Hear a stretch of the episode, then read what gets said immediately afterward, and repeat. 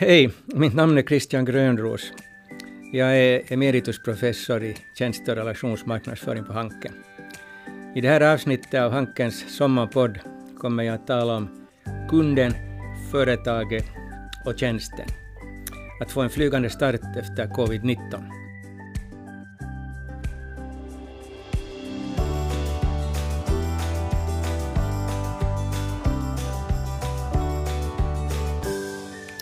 Jag har i hela mitt forskarliv ägnat mig åt just kunden, företaget och tjänsten. Och jag tror att där finns en hemlighet, en möjlighet att, att eh, hitta tillbaks framgångsrikt när tiderna blir normalare igen och företag måste klara sig i en ny situation.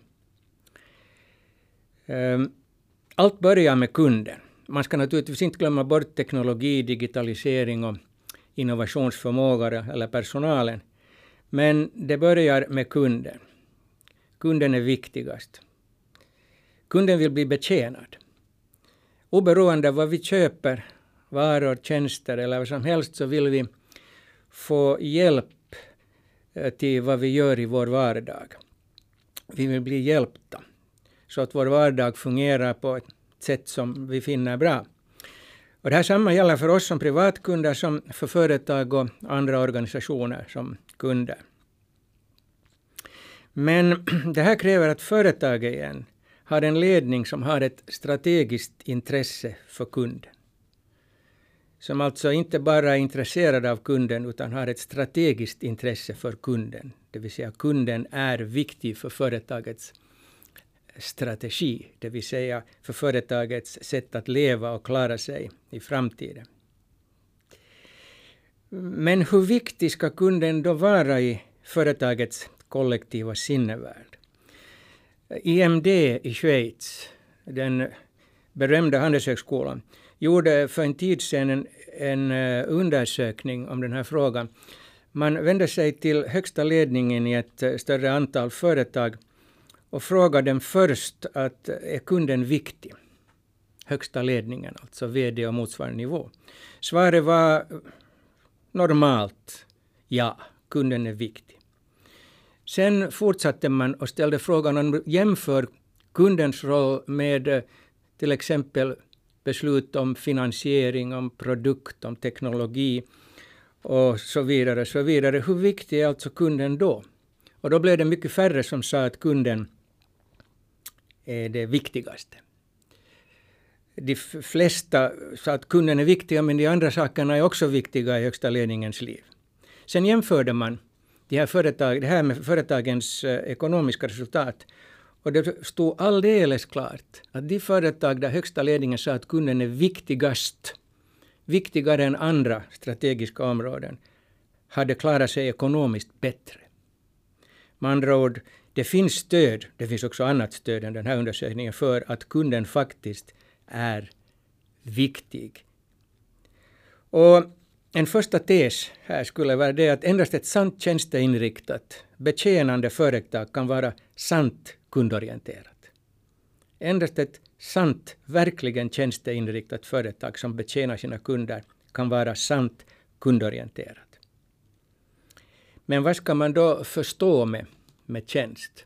Ofta talas det om att tjänst det, det är processer och, och det är opåtagliga saker och så här, och det stämmer i, i det stora hela. Men det gäller att kunna definiera tjänst som ett fenomen för sig.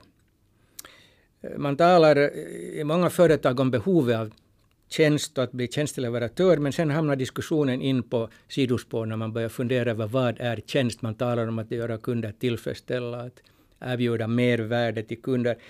Och det går inte att dra några strategiska eller ens taktiska beslut ut av det här.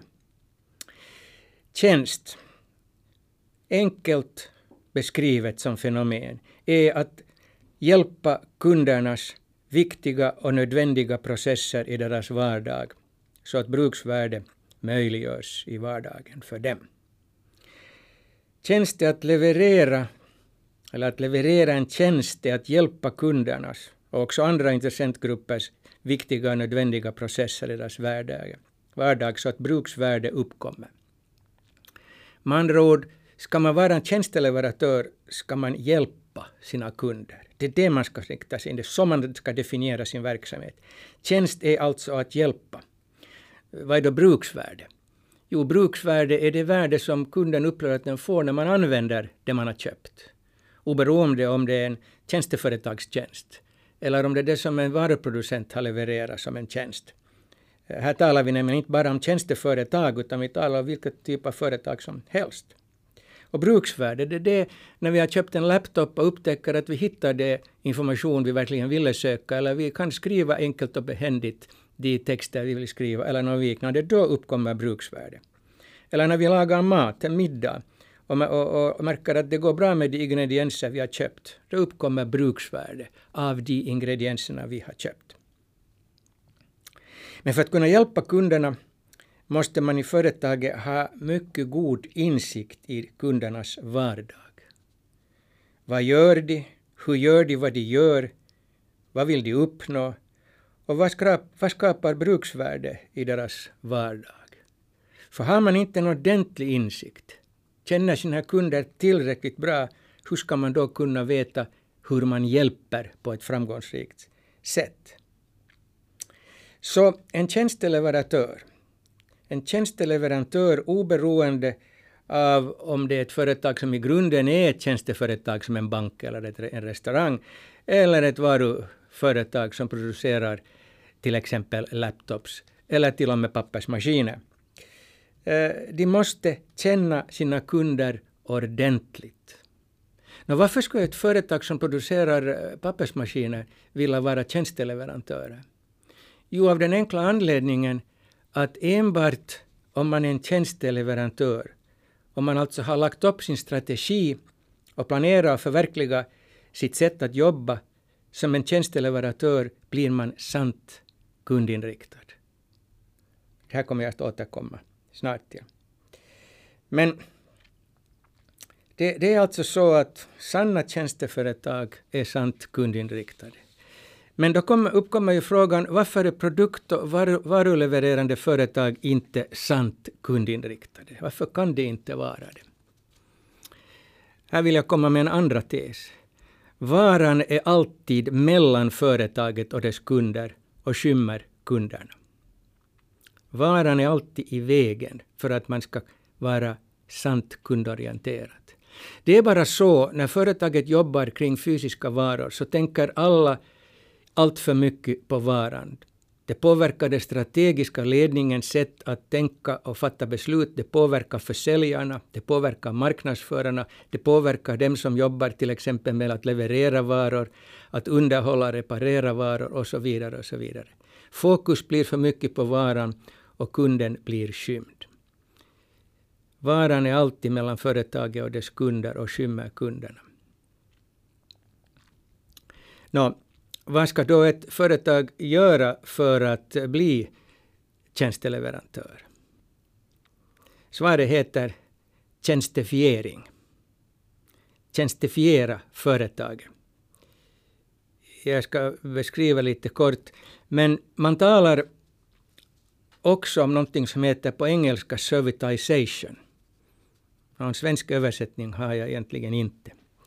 Det är absolut inte samma sak. Servitization är en fråga om att ett varuproducerande företag eh, lägger till olika tjänster till sitt utbud. Man börjar ägna sig åt eh, engineering, åt eh, underhåll på maskiner man har levererat och, och så vidare. och så vidare. Men i grunden förändras ingenting. Varan och varustrategin ligger kvar.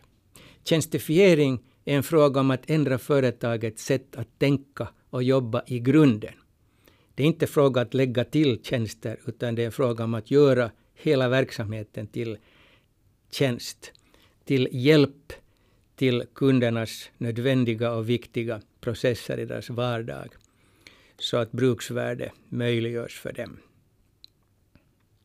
Så att tjänstifiering av ett företag innebär, innebär alltså att dess strategi, dess ledning, eh, resurseringen och implementeringen av verksamheten utvecklats så att företaget för det första kan erbjuda och leverera hjälp.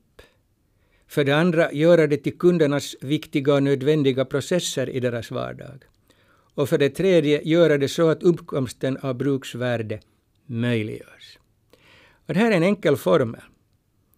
Ett tjänsteföretag, en tjänsteleverantör erbjuder och levererar hjälp till kundernas viktiga och nödvändiga processer i deras vardag så att uppkomsten eh, av bruksvärde möjliggörs. Allt i företaget kan och bör tjänstifieras. Det är alltså inte fråga om att vi petar någonstans i företaget eller lägger till något tjänster. Vi går igenom hela företaget. Allt från strategi och ledning till resursutformning och resursanvändning.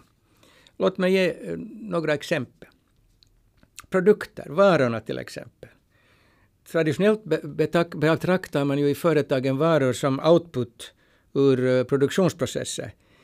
Eh, tjänstifiering utgår att varor är input till kundens produktionsprocess. Det är detsamma som kundens konsumtions eller förbrukningsprocess. Och då gäller det att forma varorna så att de fungerar lätt i kundens förbruknings och konsumtionsprocess. En fråga om att lätt att ta i användning, lätt att underhålla, lätt att upptäcka fel, lätt att på allt sätt uppgradera och så vidare. Det här är ingenting nytt. Det gör man ibland och det är en del av att tjänstifiera företagen. Men det är inte bara produkterna som ska tjänstifieras. Logistiken kan tjänstifieras, det vill säga lägga om eh, boknings-, leverans-, eh, lagerhållningsprocesser så att eh, det gör det så enkelt som möjligt för kunderna att eh, fungera. Och här finns ju också gamla traditioner i just-in-time-processer eh, och liknande. Leveranserna som en del av logistiken kan tjänstifieras, till exempel med att man kundanpassar tidtabeller och håller kunden underrättad om eh, leveransstatusen. När kommer varan? Var finns den nu? Den är på väg. Blir den försenad? Man får, försenad, man får information om det i tid och så vidare. Och så vidare. Information extranet, webbplatser, behandling av kvalitetsproblem och servicemisslyckanden, fakturering, produkt och tjänsteutveckling, forskning och utveckling. Allt kan tjänstifieras. Bara man tänker på hur ska vi få det att fungera så att det fungerar så lätt som möjligt som hjälp till den av kundens processer där den här saken vi nu tar om kommer in som hjälp och stöd. Det här är vad tjänstifiering är eh, fråga om. Det här leder till en avslutande tredje tes. Ur kundernas perspektiv är alla företag tjänsteleverantörer. Med andra ord, det finns bara tjänsteföretag eller tjänsteleverantörer på marknaden. En del företag är utmärkta tjänsteleverantörer, andra är medelmåttiga och många är dåliga. När är de utmärkta? När kunder upplever att det är lätt att vara kund. När är de medelmåttiga? När kunderna upplever att det fungerar. När är de dåliga? När man får kämpa för att få saker att fungera, få information, få en reklamation behandlad, få rätt. Och det här gäller alla företag. Och företag som inte har tjänstifierat sig, de är troligtvis, upplevs troligtvis som dåliga företag i alltför många situationer. Och när tiderna nu blir normalare igen gäller det därför för företag att sträva efter att utveckla sig så att de kan fungera som utmärkta tjänsteleverantörer oberoende av bransch och vad det är för varor, tjänster, information, digitala lösningar eller annat som man arbetar med. Så här som avslutning så skulle jag som sommarläsning vilja föreslå Tove Janssons böcker. De fungerar mycket bra på sommaren som läsning. De är trevliga och gör åtminstone mig glad och rofylld. Tack för att du har lyssnat på Hankens sommarpodd. Jag heter Christian Grönros och jag önskar er alla en glad sommar.